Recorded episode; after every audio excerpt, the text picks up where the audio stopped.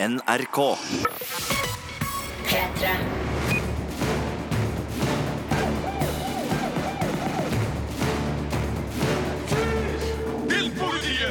Velkommen til en ny podkast fra Filmpolitiet. I dag med Sigurd Vik. og Birger Vestmo. Og det er jo bare én film det handler om denne uka. Hvilken er det, Sigurd? Det er Netflix-filmen Juleprinsen. nei, nei, nei, den skal vi riktignok innom, men eh, jeg snakker om en annen. Du tenker på den Star Wars The Last Jedi? Ja, nemlig. Ah! Den eneste premieren denne uka på kino, og sannsynligvis den største filmen herfra og ut året, hvis ikke den da får konkurranse første juledag av en annen film vi også skal snakke om i dag. Ja, for vi har begge sett Den tolvte mann, som er Harald Svart sin andre verdenskrigsfilm, som handler om Jan Bolsruds heltebragder i 1943. Tidligere filma av Arne Skauen i Ni liv, men nå da i ny drakt, med farger og fjær og alt som følger med. Men altså Star Wars The Last Jedi. Først skal det sies at vi skal ikke avsløre noen ting fra handlinga. I respekt for de fansen som ennå ikke har sett den. Eh, Men vi skal da til uka spille inn en ny podkast der vi skal spoile alt, Sigurd. Det skal vi. Sånn cirka i starten av neste uke så kommer det en eh, Star Wars The Last Jedi spesial, hvor vi skal både diskutere og forklare og peke og tegne og gjøre alt det som er artig når alle har sett en Star Wars-film, og vi skal virkelig kose oss med det. Vår mening om The Last Jedi skal du få nå straks, etterfulgt av flere intervjuer jeg har gjort i London med nøkkelpersoner bak eh, filmen, nemlig regissør og manusforfatter Ryan Johnson, og skuespillerne Mark Hamill, som er da Luke Skywalker, John Boyega, som er Finn, og Benicio del Toro, som spiller en ny figur i The Last Jedi, som heter DJ. Men først, sjølve filmen. Hva syns vi om den? Filmpolitiet. Santa has something very special in his sack for you two.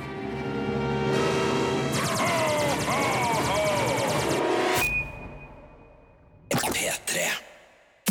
Filmpolitiet anmelder film.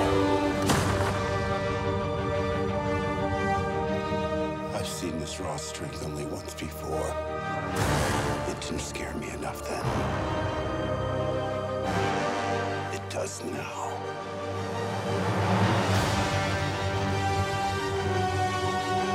Let the past die.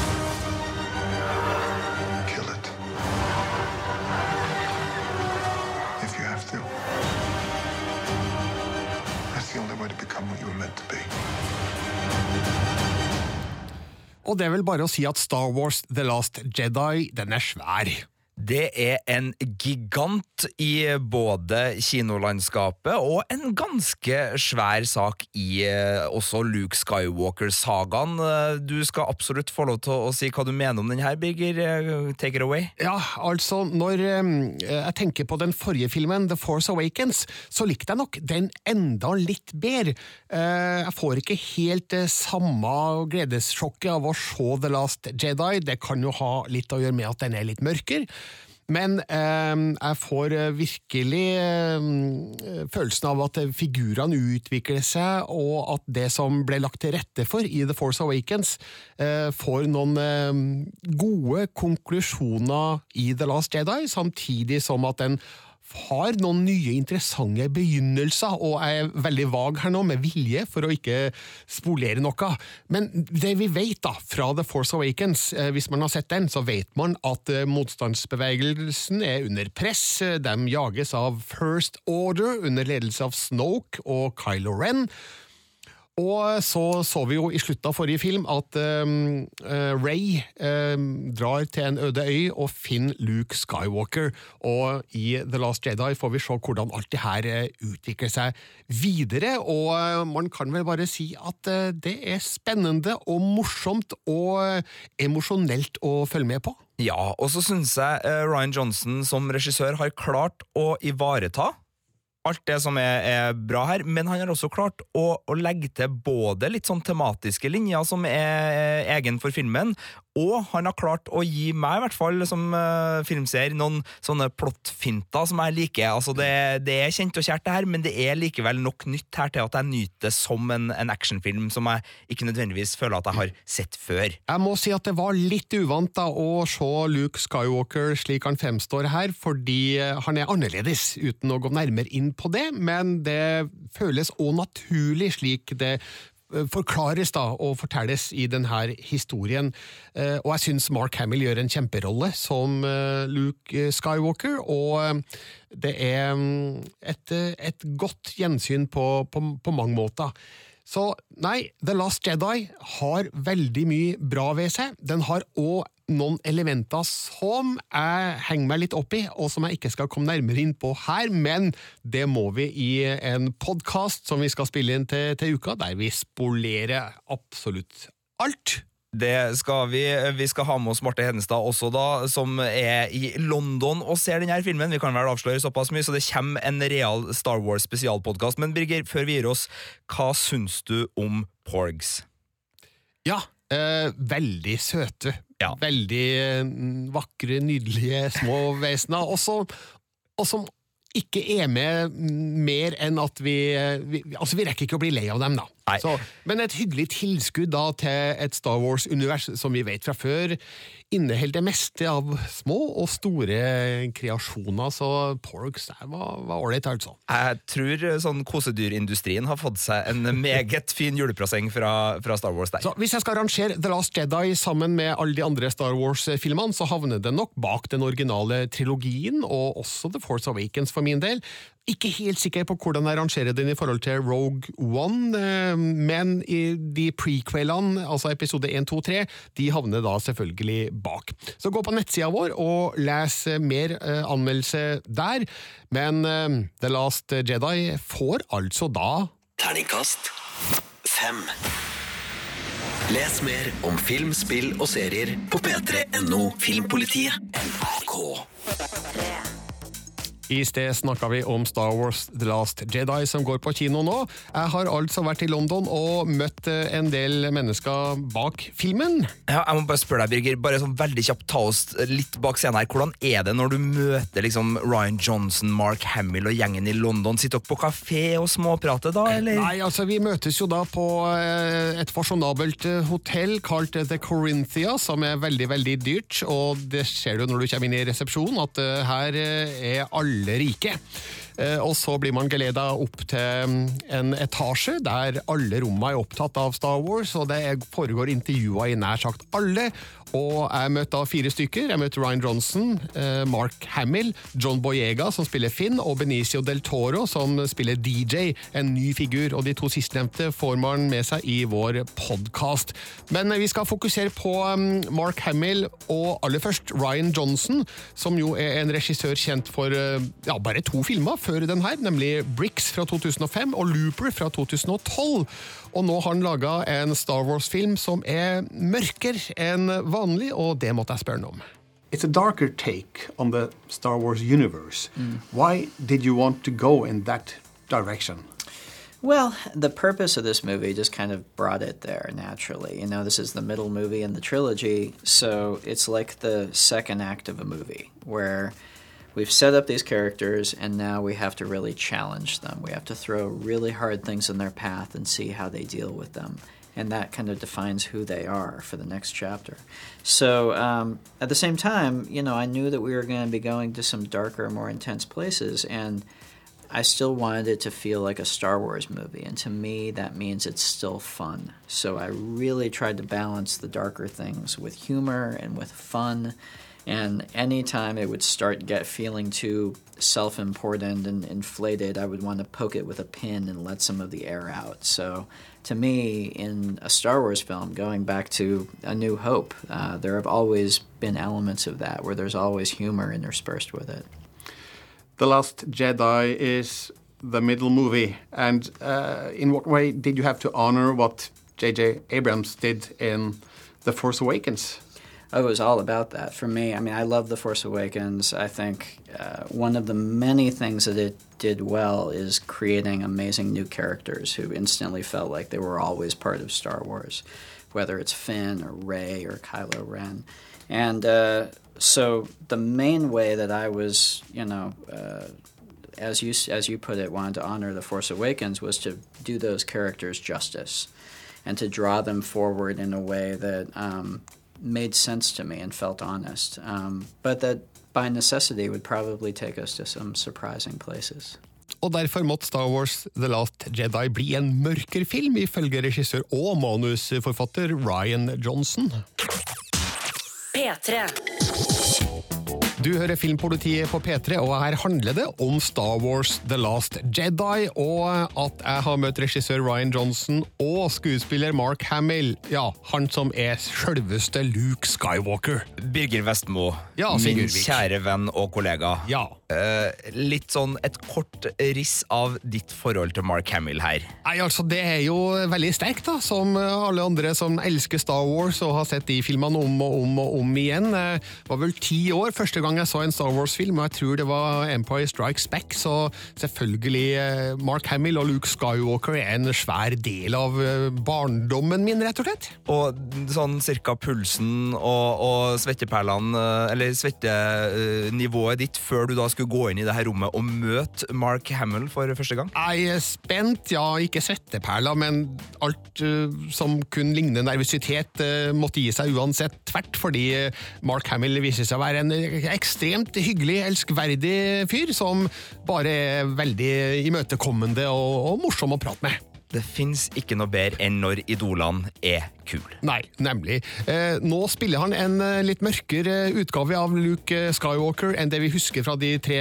eh, første og eldste Star Wars-filmene. Og eh, da jeg møtte Mark Hamill, kunne han fortelle at eh, det var en utfordring for han. a challenge certainly um, i you know luke was always the most hopeful optimistic character so i was surprised at how pessimistic and, and uh, depressed he is um, i said to ryan i said you got the jedi all wrong we don't give up uh, we, if we if we make a mistake we double down and try and right that wrong so we had basic differences, but I had to understand that this isn't the uh, George Lucas Star Wars. This is the next generation, and it's my job to uh, not argue with them about how the story goes or what I get to do or don't do.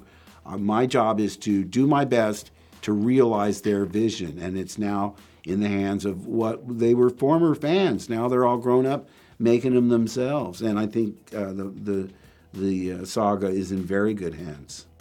Så her hørte vi Mark Hamill si at han eh, tror Star Wars-sagaen er i trygge hender, men eh, innledningsvis så var han altså skeptisk til hvordan Luke Skywalker skulle fremstå i The Last Jedi, og det måtte jeg selvfølgelig konfrontere regissør og manusforfatter Ryan Johnson med. I spoke uh, to Mark Hamill earlier, and he admitted that he wasn't quite sure about the Luke we meet in this movie, who is darker and actually kind of depressed. Do you understand uh, his uh, initial doubts? Well, of course. I mean, Mark, you know, has had, you know, how many years, 30 years since Return of the Jedi to imagine what Luke Skywalker's return would be. And the last time we saw Luke, he was the optimistic hero who had won the day, you know. He's a, he's a very different person in this in this trilogy, and he has to be. Um, you know, The Force Awakens. The one piece of information we have about Luke Skywalker is his friends are fighting the good fight, and he's exiled himself to an island in the middle of nowhere and is, is sitting off in this island. So the question I had to answer was why? And there's no world where the answer to that question is because he's the optimistic hero still. If he were the optimistic hero, he'd be, he'd be fighting with his friends. So that had to lead us to a different place, and I had to follow it there. And yeah, the, the those discussions with Mark were great because it first of all made me justify my choices, uh, and it also just brought us together because we had to really hash it out and figure out okay, how is this the same Luke as we originally knew? How has he ended up here? Her fortalte Ryan Johnson altså at Luke Skywalker måtte bli en mørkere figur, eh, i og med at eh, han har gjemt seg unna på denne øya, som vi ser i slutten av eh, den forrige filmen The Force Awakens. Så It makes sense, Sigurd. Det gjør det, og jeg må si, uten å spoile, for vi er ikke i spoilehjørnet her, at Luke Skywalker sin Si det på engelsk, da. Story arc i uh, de her nye filmene er noe av det jeg liker best med den nye Star Wars-trilogien. P3. Her handler det om Star Wars The Last Jedi, som hadde premiere på onsdag og går for ja, sannsynligvis fulle hus, tror du ikke det, Sigurd? Ja, den har, jeg, jeg vet ikke hvordan de regner ut det, men amerikanerne har jo sånne uh, algoritmer for å finne ut hvor stor inntekt uh, filmer kommer til å få i åpningshelga, og det er jo sånn off the scale-tall nesten som, som kjøres ut på Star Wars The Last Jedi. 425 millioner dollar var et tall jeg fikk med meg, og det er ganske mye penger. Det er sånn uh, pengebingemasse penger, nesten. Eh, jeg må bare spørre deg, Birgit, for Du har jo møtt eh, Mark Hamill, som er et barndomshelt, men du har også møtt eh, regissør Ryan Johnson. Han er jo et litt sånn ubeskrevet blad, har laga et par kritikerroste filmer og er i gang nå på denne filmen, og så skal han lage ny trilogi.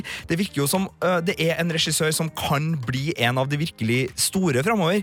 Hvordan var han? Hvordan var det å møte en regissør sånn som er på, på trappene av det store. Eh, veldig hyggelig og imøtekommende. De samme ordene jeg brukte om Mark Hamill i sted. Men eh, du vet, du møter en regissør som har sittet og prata med journalister i flere dager og sannsynligvis fått eh, de samme spørsmåla om og om igjen, for det er sånn journalistikken funker når man bare har fem minutter på seg til å stille spørsmål. Men han svarer på alle spørsmål som om det var første gang han noensinne hørt dem. Og et av de spørsmålene handler jo om den nye trilogien som han nå skal være med å lage i Star Wars-universet universet, noe som ble annonsert for bare et par uker siden, og som han visstnok skal ha fått gjennomslag for uten å ha fortalt produsentene noe om hva den skal handle om, og kanskje vet den ikke sjøl engang ennå. Men han har tydeligvis hatt et eh, veldig godt samarbeid med Star Wars-produsentene, og skal altså da lage tre nye filmer. I hvert fall regissere den første, og, og være en litt mer sånn um, executive producer, kanskje, på de to siste. Det, det her er ikke avklart ennå. Men um, da jeg snakka med Ryan Johnson i London, så måtte jeg jo spørre han om ja, Ikke om hva den nye trilogien skal handle om, men hvorfor Star Wars-universet egner seg så godt til historiefortelling. Disney must like you because you've been given charge of developing something completely new. I'm not going to ask you what it's about, but mm. but uh, why is the Star Wars universe such a good place for storytelling? Well, uh, for me, it's very potent because it's something that when I was a kid, it was the first kind of playground that my imagination played in with the toys in my backyard. I was telling Star Wars stories in my head. So it's got very deep roots for me. I know for a lot of people, you know, in, in our generation it does. Um, and I think it's, I don't know, there's a combination, the combination of the way that Star Wars stories are allowed to be mythic and get to really some base stuff about all of us. And that coupled with the fact that it's a fun ride and that it's a space opera, and it's it makes you want to grab your spaceship toys and start flying around the backyard with them. I think you put those two things together, and uh, it's just something that I find endlessly appealing. Er ikke det morsomt å tenke på, Sigurd? At Ryan Johnson eh, sprang rundt i bakgården sin og leka Star Wars da han var unge? Det er i hvert fall relaterbart. og nå lager han Star Wars-filma, god damn it! Jeg måtte stille Mark Hamill, altså Luke Skywalker, eh, det samme spørsmålet om hvorfor Star Wars-universet egner seg til historiefortelling, og da skjer det gjennom at eh, han skulle nok gjerne ha sett at Skywalker-sagaen fortsatt et stykke til. Well, you have an unlimited canvas. Uh, and more so now because the new trilogies won't involve the Skywalker family. Although I have to tell you, if if it had gone on, George always intended it to be a variation of the Skywalker saga because he just thought that family line had the opportunities to tell all the stories he wanted. Uh, but now uh, Ryan will be liberated to uh, make up all new characters and all new situations. But like, like I say, there's just such a vast canvas to paint on. I mean, it's a galaxy far, far away, and the galaxy's pretty big. Som jeg har vært litt inn på, det var jo utrolig kult da å møte Mark Hamill, sjølveste Luke Skywalker, som jo da er en figur av en viss størrelse og betydning i filmhistorien. Han er jo uh, en av de der som har gjort uh, veldig mye, men samtidig holdt seg uh, litt sånn unna det, det, verste rampelyset. Han er ikke i den kulørte pressen, han har liksom ikke hatt så veldig mange andre ikoniske roller. Nei. Mest kjent som stemmeskuespiller, kanskje for, for mange. Ja. Og, og, og, dermed så har jo det bygd opp den her auraen av Luke Skywalker som en, som en sånn nesten vel så mye fiksjonsfigur da, som skuespilleren Mark Hamill. Ja, jeg vet ikke helt hva som skjedde med han utover 1980-tallet man skulle jo tro at han etter de tre første Star Wars-filmene var ettertrakta, men det er mulig han var så tett knytta opp mot den rollen som Luke Skywalker at det var vanskelig for andre filmskapere å bruke han til noe. Eh, nå så vi jo Harrison Ford, det gikk det jo rimelig greit med etter rollen som Han Solo, men eh, Mark Hamill sleit med å stable en karriere på beina ved siden av det å være Luke Skywalker, men han har jo blitt en legendarisk skikkelse i filmhistorien gjennom å være Luke Skywalker. Og det måtte jeg spørre han om i, i London, og det viste seg at uh, han hadde et ganske avslappa forhold til akkurat det. Luke is questioning his own status as a legend in this film. Uh, you have become a movie legend yourself through this character. Uh, what's your opinion about your own status as a legend in movie history? Well, you know, I it's it's it's not something that I would have recognized until you know the current events and the, the the the fact that there's such huge anticipation for the film. In the movie, Luke refers to himself sort of derisively, you know, and sarcastically, and I became a legend. He doesn't feel like a legend, and I certainly don't feel like a legend. I don't know. My kids kid me, you know, because they gave me the Disney Legend Award. It's an actual physical object that I can point to and say, see, I am a legend in more than my own mind. Because the joke was, Dad, you've always been a legend in your own mind. And, you know, that's a play on in your own time. But no, I mean, every day is like, pinch me. Is this really happening? Uh, I didn't expect it to come back. Uh, but to be welcomed back uh, is, is just a, a wonderful feeling. Mark Hamill syns altså det er vidunderlig å være tilbake i Star Wars-universet som Luke Skywalker, og det syns vi òg, Sigurd. Det er rett og slett. Altså, Christopher Hivju har et bra skjegg, men jeg vil si Mark Hamill, min nest eh, beste favorittskjeggfyr på, på skjerm i, i, 2017. Eh, han har jo en eh, liten norgestilknytning, da, i og med at den første delen av Imperiet slår tilbake fra 1980 ble innspilt på Finse i Norge. Og jeg måtte jo selvfølgelig benytte anledningen til å spørre Mark Hamill om han hadde noen spesielle minner derifra. So, being from Norway, I'm kind of obligated to ask you about your memories from Finse, where you shot Empire Strikes Back. What do you remember? Well, one of the things that really struck me, aside from how welcoming the people were, uh, was the fact that we went to Finsa because there were glaciers that on film photographed blue. And they thought, well, that'll look otherworldly on film. Then we went, and it was apparently one of the harshest winters in the history of the country. So we couldn't get to where we were supposed to film uh, Han rescuing Luke in the snow. They later went back and I think got plates, you know, the second unit to use. But ironically, because they couldn't get to the glacier, which was like a, a, an hour and a half by snowmobile, they filmed it just outside the lodge we were staying in. If you turn the camera around when Luke is next to the fallen Tauntaun, there's people on the balcony sipping hot cocoa watching us film, which I thought was uh, ironic and delightful. But it's a very special country, and uh, uh, you know, like I say, it's been now associated with the ice planet Hoth, and they're probably Star Wars fans that come there just to visit the locations. They do it in North Africa. Uh, Skellig Michael now is a destination uh, for Star Wars fans. But uh, yeah, I, I have fond memories of my wife was eight months pregnant with my first son. So, you know, it was a really uh, momentous time in my life. Det var det Mark Hamill hadde å si om eh, Norge og eh, innspillinga på Finse. Hadde jo vært kult da om eh, isplaneten Hoth hadde gjort en, et comeback i, i den neste episoden, kanskje? Ja, eller den neste trilogien. Vi vet jo ikke hva den skal handle om, men det er klart hvis Rian Johnson legger en av filmene til et isøde i en galakse langt lagt bortenfor, og har lyst til å komme til Norge igjen og filme hele sulamitten, så skal ikke vi være de som sier nei. Gjør vi det? Vi skal ikke det. Ra Ryan Johnson, for Ja, øvrig.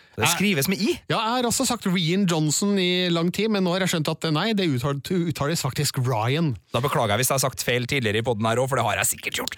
Nå har vi altså hørt fra Mark Hamill og regissør Ryan Johnson, men jeg møtte to til fra Star Wars The Last Jedi. Den første av dem, John Boyega, gjorde jo sin intro i den forrige filmen, The Force Awakens, som Finn, en figur som etablerte seg, jeg vil si, på rekordtid i Star Wars-universet. Det var rett av med Stormtrooper-hjelmen og rett inn i hjertet mitt, det. Det var det, og han har ganske mange utfordringer i The Last Jedi, både på actionfronten og på den litt mer emosjonelle fronten. Skal ikke si mer enn det. Da jeg møtte John Boyega i London, hadde jeg nettopp prata med Mark Hamill, og jeg måtte jo finne ut om Boyega var like gira på Luke Skywalker som det jeg var. So I met Mark Hamill earlier, which was exciting because, of course, Luke Skywalker was a big hero for me growing Sorry, up. I had to laugh because Mark was it's funny, right? It's so funny. Mark is a joke. I love him. But how was it for you to to uh, meet the guy who was Luke when I guess was a hero for you growing up as well? Um, I was more of a Han guy. I was more into the solo of life. But meeting Luke Skywalker is um, different because I, I only met Luke Skywalker on episode eight while going to watch a scene that he was doing with, with Daisy, and I was on my day off. Um, that was cool. But meeting Mark Hamill for me is super cool because I've been a big fan of his voiceover work.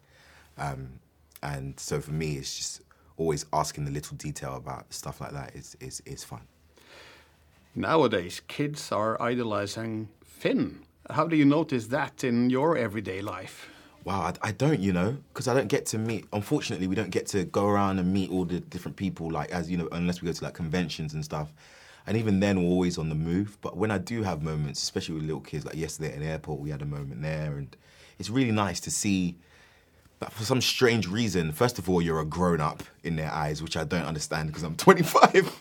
but in a child's eyes, you're like a grown up, and you're this this character to them. You know, there's no there's no John Boyega. You're Finn. That's it, and that's fun. You know, it's fun to be able to sometimes play with it with children. It's nice. How do you explain Finn's appeal to the audience?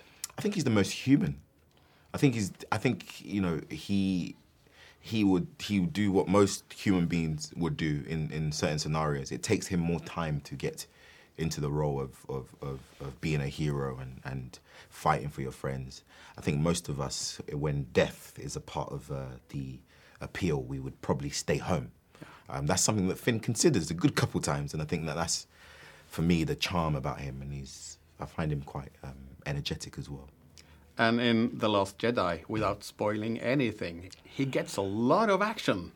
A lot. Yeah. How do you like that? Emotional action too. Yeah. Uh, how do you like the mix between, you know, the physical play and the emotional acting? I love it. I love it. It's a big, it's a big, you know, combination of of, of both, and it's just uh, the importance of these characters that we are now introduced to. It's nice to um, establish them and uh, just explore them more. You know, I love that. Det sa John Boyega. Han kan du altså se som Finn for andre gang i Star Wars The Last Jedi. En fyr du kan se for første gang i Star Wars-universet i The Last Jedi, er Benicio del Toro. En, en fyr vi kjenner godt fra før, Sigurd. Eh, veldig godt fra før. Eh, De som har levd litt, husker han jo fra veldig mye kule 90-tallsfilmer, blant annet The Usual Suspects og Ja. The Way of the Gun, hvis jeg husker riktig. Ja, og, nå eh, nylig i eh, Denis Villeneuves uh, Sicario, der han gjorde en fabelaktig god rolle. Og Marvel-filmene, der han er den mystiske The Collector, som vi ikke helt vet hvor eh, man skal med ennå, men som sitter med en av disse Infinity-steinene, som blir et bærende element i Infinity War-filmen, som kommer da om The Avengers, men nok om Marvel. Jeg spør han faktisk i intervjuet om eh, å spille The Collector i Marvel-filmer og den nye figuren DJ i Star Wars-filmene. Men, men hvem er nå den her DJ? Vi, vi skal ikke avsløre akkurat hva han gjør i filmen, for det skal man da få lov til å oppdage sjøl. Men eh, Benicio del Toro kun fortell meg litt om eh, hva slags fyr det her er. So DJ is a rather interesting character with a ambiguous moral compass. Uh, how would you describe him? I don't know if it's that ambiguous moral compass. First of all, I just I, I don't know. I tend to maybe uh, disagree. I, I think he just got into a situation that it was money or lead. But is he a What would you do? Well, is he a fortune seeker? Yeah, I'm sure. Like as much as uh, yeah, he could be. We could say he's a uh, you know a little bit of a mercenary. He could be a mercenary, definitely. So he has he has no side or or or or team, perhaps. He's not. He's uh, he has no affiliation to either the good guys or the bad guys. Is there are there any A bit parallels? like Han Solo. Yeah, I was Yeah. just going to say any parallels between DJ and, and Han Solo back when he shot uh, uh, Guido first. Yeah, yeah, I think so. Yes. I think there's an element. There's a, you know, um, there's a, there's a, there's there's a yeah. There's definitely a combination of. Uh, th- there's elements of Han Solo in DJ. Yeah. But we don't get uh, to know much about him in this film. Do you, did you figure out the backstory before playing him? Yeah, I did. I had my own. You know, I had to have something. But um, um, yeah, we don't know that much about him. But uh, hopefully, we will one day. But uh, so, but I created my own. But that's for me to know, not for you to find out without reading it. You also equipped him with a rather um, uh, characteristic uh, speech impediment. Uh, how did you work that one out? Well, my dad used to stutter a little bit, so it's something I've done for a long time, imitate my dad. Um, but um, um, the, the, the reason for that was because he's uh, very good at uh, code breaking. And I really believe that people that are really gifted at something, they might deficit on something else. So that's the reason why we decided to give him that speech impediment because that created a balance of like his uh, his his genius at code breaking the, the speech impediment would create something that very honest, very, very, very, uh, that I see, I've seen, you see in life. You see people that are really good at something. They might have a, some kind of impediment somehow, and they're really good at something, whether it's sports or, or whatever it is, you know. So sometimes we see someone has an impediment, and we just go, well, they're not good at anything, and uh, you know that's uh, my my my personal belief is that you know if you that you know that sh- that has nothing to do with whether you're good or bad at something. If you have any impediment, whatever it is. But You also play the collector in the Marvel movies. And uh, what's the appeal for you to uh, appear in these big effects-driven films? Well, they're they're they're fun characters. You know, I, I think that uh, I think that the collector is a fun character to play and to keep developing.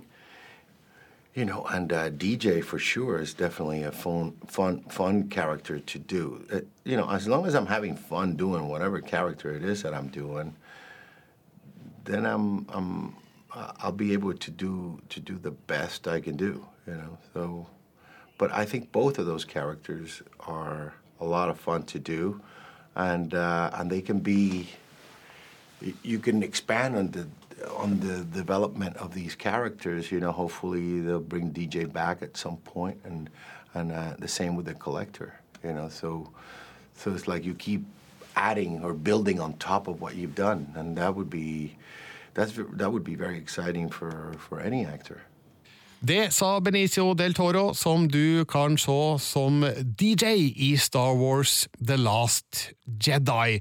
Et fint tilskudd til persongalleriet i denne serien. Jeg må bare spørre, eh, Han høres alltid kul ut, Benicio del Toro. Han ser alltid kul ut eh, på, på skjermen. Han er sløy, liksom. Han, han har et eller annet sånn der umiddelbart ved seg. Hvordan, hvordan var det å møte eh, Benicio? Var han så kul som jeg tror han er? Ja, hyggelig, tilbakelent, litt avslappa, og som man hørte på intervjuet, det var kanskje ikke det de beste svara jeg noen gang har fått på et intervju, men eh, det var morsomt å møte Benicio del Toro, som absolutt har en, en, en, en utstråling som gjør at man er ikke helt sikker på om han fyren her er helt rett nagla, men eh, da, han virka ålreit, altså, så det var, det var en morsom fyr. Karisma har han i hvert fall. Det har han. Nå har vi gått gjennom alle intervjuene jeg gjorde i anledning Star Wars The Last Jedi. Vi eh, gjentar at eh, til uka så kommer det en ny spesialpodkast som skal handle om filmen i sin helhet. Da får vi også med oss Marte Hedenstad, så da er vi tre stykker som skal rett og slett nerde om Star Wars The Last Jedi i all eh, herlig prakt. Eh, Den kommer eh, tippe i starten. Første halvdel av neste uke er den ute der du finner podkastene dine. P3.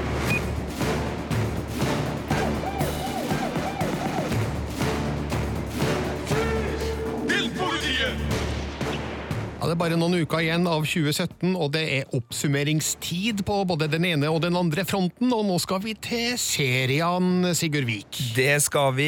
I dag så slapp vi på våre nettsider p3.no filmpolitiet årets toppliste, topp ti, for de beste seriene vi har sett. Og den har allerede skapt en del kommentarstorm, så det er bare å sjekke ut den der. Men dere skal selvfølgelig få radioversjon av den nå.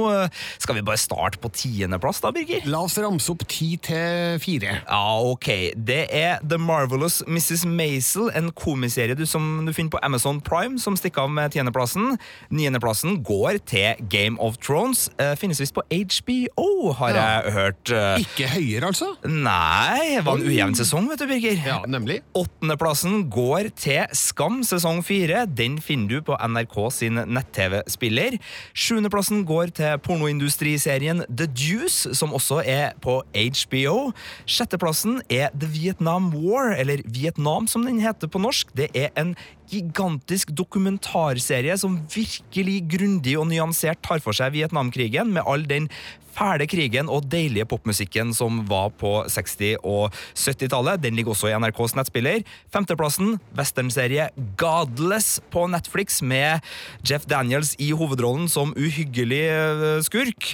Og fjerdeplassen, superheltserien Legion, som ikke ligger til strømming akkurat nå, men som er å få kjøpt på DVD og Blu-ray, og som gikk på Fox her i Norge. Og så topp tre. Nå er jeg spent. Hvilken TV-serie ligger på vår tredjeplass? På vår tredjeplass så ligger kanskje den artigste serien, i hvert fall jeg har sett det siste året, og den beste komiserien, Rick and Morty med sin tredje sesong. Det her er animasjonsmoro som er drøyere enn da South Park var på sitt drøyeste. Den ligger noen planeter over de andre når det gjelder smart referansehumor, og den har et rollegalleri da med Rick Sanchez, den gale nihilistiske bestefaren, og den unge naive Morty, som er bare helt nydelig. Ungene mine på 15 og 12 elsker Rick and Morty. Er jeg en dårlig far?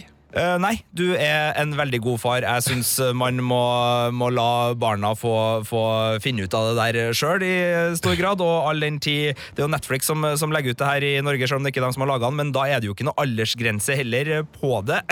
nei da, jeg oppfordrer ikke foreldre til, til å, å gjøre fæle ting her. la oss eh, gå over til andreplassen. Hvilken serie har vært nest best i år? Du kan ikke øh, skrive serie uten å skrive seriemorder, holdt jeg på å si. Altså, Seriemorderserien Mindhunter er på andreplassen vår. En øh, David Fincher-produsert liten godbit som gjorde at høsten nå i år ble ekstra mørk. Dette er basert på virkelige hendelser, handler om virkelige seriemordere, og er en delvis fiktiv skildring om hvordan FBI på 70-tallet begynte å skjønne at kanskje det er mønster og logikk bak disse Ted eh, Bundy, Charles Manson-type morderne.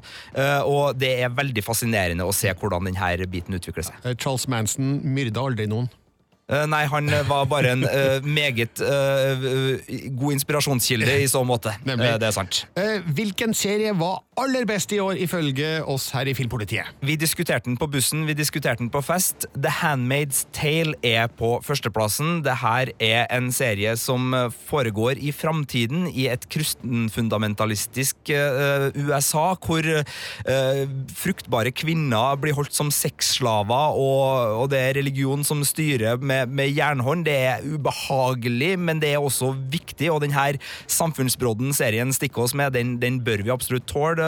Har du noen tanker, Birger? Ja, absolutt. Det er jo en serie som virker brennende aktuell, eh, til tross for at den foregår i et, eh, skal vi si, alternativt univers. Ja, eh, Marjorie Atwood, som er forfatteren som har skrevet boka denne serien er basert på, sier jo at hun skriver jo ikke science fiction, hun skriver vel en sånn alternativ fiction, for det her er ikke Altså, det her Ja, som du sier, det kunne, kunne ha foregått, og det er skremmende bra, rett og slett. Og fantastisk Elisabeth Moss da i hovedrollen, og vel verdt å sjekke ut. Det var altså vår topp ti serieliste for 2017. Gå inn på PT.no Filmpolitiet og delta i diskusjonen, slik som mange allerede har gjort. Vi vil veldig gjerne høre din mening om serieåret 2017.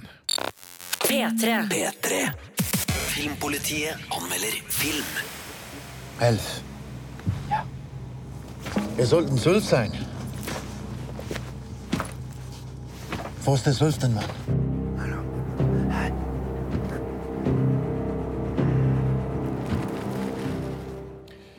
Den tolvte mann, hva er det, Sigurd Vig? Det er en film laga av Harald Svart som eh, forteller historier om Jan Baalsrud heroiske innsats under andre verdenskrig. Det er en historie som det har blitt skrevet bøker om.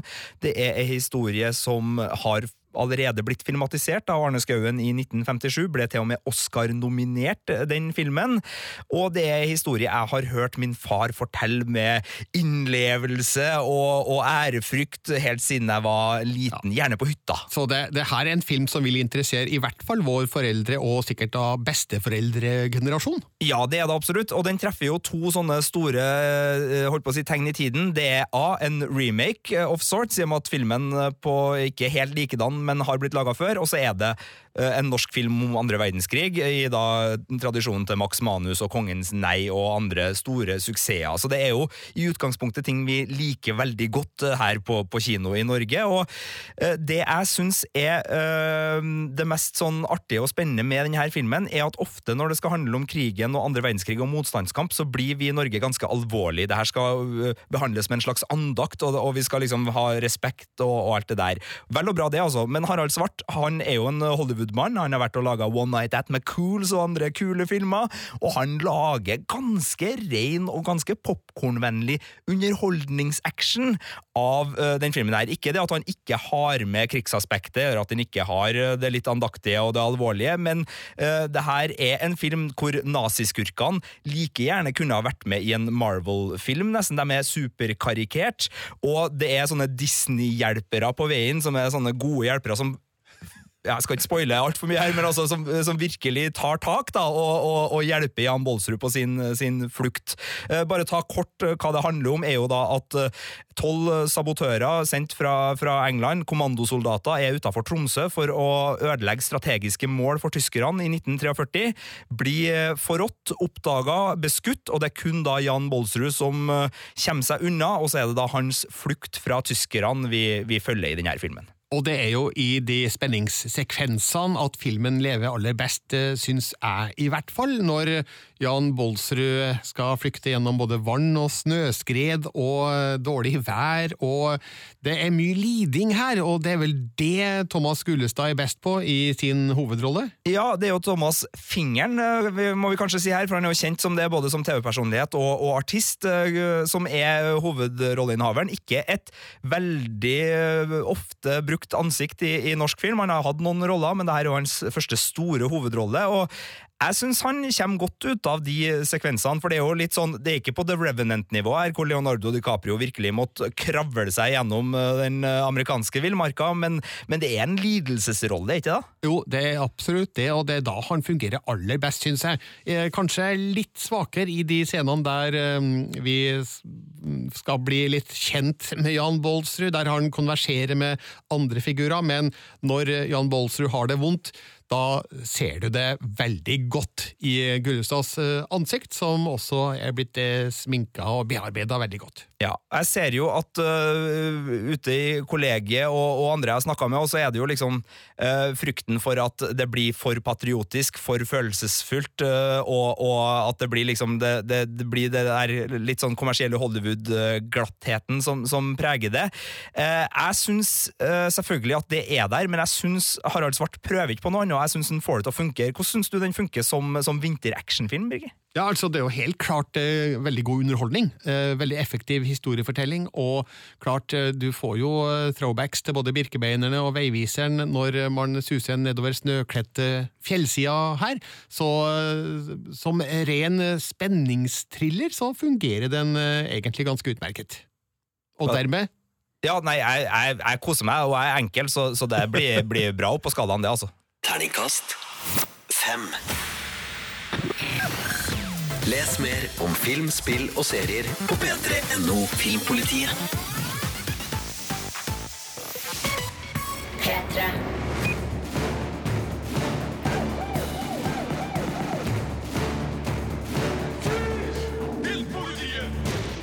Jeg heter Birger, og du, Sigurd, heter Eh, Sigurd. Ja, og nå skal vi innom en stor nyhet fra USA som kanskje høres litt halvkjedelig ut, men som kan få store konsekvenser for oss. Absolutt. Overskrifta er 'Disney kjøper Fox', eh, og det det innebærer, kan være så mangt. Altså på i sånn, De første overskriftene som da kommer videre, er at Disney sitter på rettighetene til eh, Marvel Cinematic Universe, som inkluderer da Iron Man, Thor, hele Avengers-greia, mens Fox sitter på rettighetene til X-Men, Deadpool og The, The Fantastic Four. Så i teorien så kan man da merge dem sammen, og Spiderman kom jo over til Marvel Cinematic Universe for litt siden, så, så det åpner opp en superheltverden som er eh, svær, da, og endelig så får liksom Marvel samla alle sine. Eh, det betyr jo ikke at det skjer, fordi eh, de her franchisene står jo veldig bra for seg sjøl, men, eh, men hvis da mot formodning en X-Men-serie skal begynne å, å falme litt, så kan det jo hende at det dukker opp kjente rollefigurer og en bannende Deadpool i en eh, Avengers-film nær deg. Altså, Det er ikke sikkert at det skjer, men nå skal vi jo huske at eh, Disney betaler ekstremt mye penger for å få kjøpt eh, Fox, og det innebærer at de er nødt til å tjene inn det her på et eller annet vis. Ja, og der er vi jo inne i den biten av nyheten som kanskje er den mest interessante, for det er jo sånn at i et strømmemarked nå så er Netflix uh, den store, store bikkja, det er ikke noe tvil om det. Amazon vil inn her og konkurrere, de har skaffa seg nå rettighetene til å lage Ringenes herre som TV-serie, de vil inn og konkurrere på det her, og Disney har også lansert at i 2019 så kommer de med sin egen strømmetjeneste, de har trekt en delt innhold fra Netflix, blant annet av Disney-innhold, og de snakker om å lage Star Wars-serie og, og sånne ting.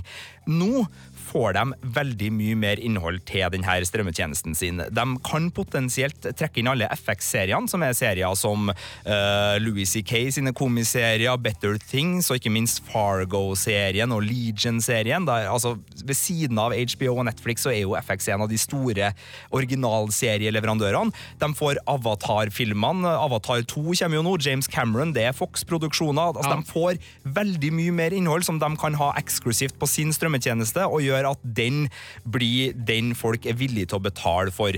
Det her er ikke ting som står skrevet i stein. Det vi sier nå, er liksom det kommentatorer i Hollywood uh, spår at kan skje, men at det rigges opp til en skikkelig strømmekrig nå, Birger, det er det liten tvil om, altså. Disney vil ha sin eh, bit av kaka, og så gjenstår det å se da om det blir konkurranse der én vinner, eller om begge kanskje gainer på det og drar med seg andre strømmetjenester i tillegg, for vi, vi har råd til et par abonnement til. Jeg tror For forbrukeren så er det artig. Samtidig så skal det sies at nå advarer The Writers Guild of America, som tidligere har streika og skapt ganske store skjelvinger i seriebransjen, at det blir litt for mye makt på litt for få hender nå, så de er jo redd da, som fagforening på vegne av manusforfattere.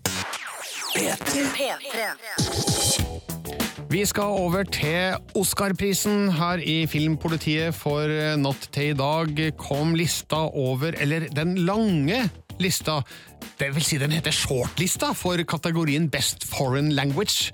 Worst name ever for ja. ei list. Men ja. det er da den der lista om de veldig aktuelle kandidatene for å bli nominert. Og vi hadde jo stor tru, fordi Thelma til Joachim Trier var jo nevnt som en av favorittene her, eller en dark horse i det store utland. Ja, Den Men- nådde dessverre ikke opp. Den gjorde ikke det. Nei. Eh, når jeg ser på lista over de som er på denne Oscar-shortlista, så er det mange sterke kandidater der, men minst én som jeg stiller spørsmålstegn ved, nemlig In The Fade fra Tyskland, som jeg syns var en dårligere film enn det Thelma er. Skal vi si at Filmpolitiets offisielle posisjon på saken er at Thelma burde vært på denne shortlista. Absolutt. Men vi har filmer fra Chile, eh, Israel, Libanon, eh, Russland, Senegal, Sør-Afrika. Vi har eh, en fantastisk film fra Ungarn som heter Om kropp og sjel, som har gått på norske kinoer. Og ikke minst, kanskje den store favoritten her, svenske The Square av Ruben Østlund. Det er Oscar-shortlista i Best Foreign Language. Eh, Hvilke som faktisk da blir nominert, blir klart først i eh, januar. Ja. En film som garantert ikke kommer til å vinne Oscar noensinne for beste utenlandske film, eller beste fremmedspråklige film, er en potensiell Tarantino-film i Star Trek-universet. Det har nå vært kjent i liten stund at Quentin Tarantino har sagt at han kanskje kan tenke seg å lage en liten Star Trek-film, og det har fått en gammel ringrev til å øh, pusse litt på, på Starfleet-medaljene sine, Birger. Ja, Patrick Stewart, som spilte Jean-Luc Picard. Han er gira. Han har i hvert fall sagt at vi, han har lyst til å jobbe med Tarantino, og hvis det blir aktuelt, så kan han eh, finne fram Picard-uniformen sin igjen. Så spennende greier, det, da. Ja. Til slutt så skal vi Hvor, Sigurd? Eh, Vi må bare nevne at eh, Game of Thrones-innspillinga er i gang, og at Sophie Turner har gitt et intervju, og at hun dessverre eh, sier at det blir ikke før 2019 vi får se noe som helst der. Hun har også sett slutten på Game of Thrones, så hun vet hvordan det hele ender, og sier at hun fikk gåsehud, og at George R. R. Martin hadde helt rett når han sa det blir en bitter sweet ending. Ja, det riktige her er vel at hun har lest slutten. Det er sant, de har hatt table uh, readings på manuskriptet, så vi må kanskje invitere Kristoffer Hivju hit en tur, tenker jeg, for å filleriste den mannen og se om vi kan finne ut noe om hva som skal skje. Nei da, vi venter, da. vi. Men, men eh, er det bekreftelse god nok eh, at Sophie Turner mener at eh, Game of Thrones ikke kommer tilbake før i 2019? Nei, men det er det nærmeste vi har en offisiell uttalelse fra noen som helst med tilknytning til noe som helst som har med Game of Thrones å gjøre, og da sier vi at det er greit. Vi tar det vi får inntil videre. P3. Det nærmer seg jul, og da er det jo på sin plass å snakke om julefilm, Sigurd. Det er det absolutt, og merkelig nok så er kanskje en av de mest snakka om julefilmene nå i førjulstiden en Netflix-film som mange har fått anbefalt av Netflix sine velvillige anbefalingsalgoritmer i disse tidene. Ja. På den norske tittelen så heter den Juleprinsen.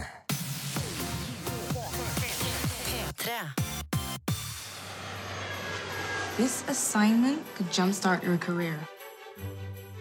Wow. I'm actually inside the palace.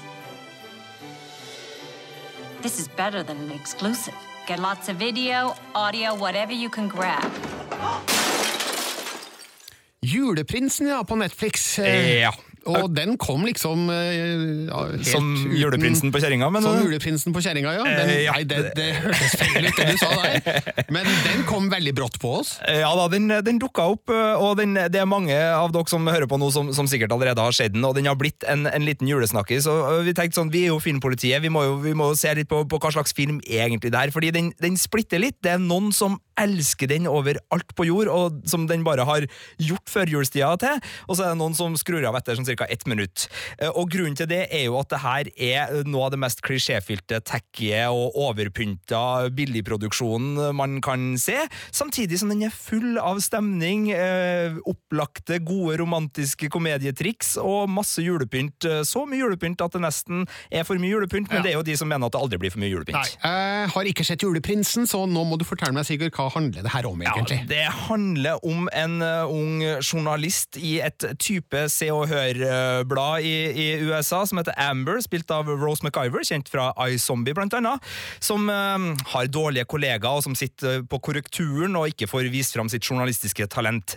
Men da det skjer ting i kongehuset i det fiktive landet Aldovia, så blir hun sendt på reportasjetur for å finne ut om den nye prinsen, som kanskje eller kanskje ikke skal bli den neste kongen der, for han er en litt sånn urortype, er god eller ikke, og skriver en story da fra det her kroningsopplegget. Blir hun dama sammen med han den derre prinsen? Jeg kan jo selvfølgelig ikke avsløre sånne ting, Birger. Det vil jo være helt forferdelig dårlig gjort. Men det jeg kan si, er at uh, det her er da en film hvor alt det opplagte skjer på mest opplagte vis. Det er uh, koselige ting som uskyldig snøballkasting, det er ballkjoler, men hun har selvfølgelig Converse-skoa på, for hun har ikke mista identiteten sin, og du har alt det her. Men samtidig, og grunnen til at den her nok splitter veldig mange, er at den er jo Den er som ei litt sånn litt for påkosta sjokoladekake som du vet at du egentlig ikke skal skal spise, og den er syntetisk og den er full av uh, alt du ikke skal ha i deg, men så er det jo så herlig å bare fråtse i det av og til likevel! Og jeg må si at uh, det er øyeblikk i den filmen her hvor julestemninga virkelig tar meg, men det er en sånn her type film hvor det snakkes oppå jule... Uh, sånn, sånn bjellemusikk hele veien, og alt er liksom skrudd til ti, da. Ja. Hele tida. Jeg skjønner ikke helt, Sigurd. Syns du juleprinsen er god eller dårlig? Begge deler. Jeg syns den er helt forferdelig. Det er noe av det verste jeg har sett. Og den er helt fantastisk, for den er kjempefin og full av julestemning. Men altså, den er jo artig å flire av også. Og det er jo det som er så fint, at den, det er ikke en komedie som uh, tar seg sjøl mer alvorlig enn at det er lov å flire over hvor teit den er innimellom. Og den er godt bygd for både memes og, og andre ting, så, så bare å, å, kjøre på. Så hvis du er ja. litt interessert i julefilm, og ikke har sett den ennå, så er jo Juleprinsen verdt å sjekke ut, om ikke annet bare for å skru av tidlig og fly litt. Det her var ingen uh, filmanmeldelse, bare så det er sagt. Det her var en uh, advarsel eller anbefaling, eller ja. begge deler. Ja. Filmpolitiet. Dette er P3. Du finner flere podkaster på p3.no podkast.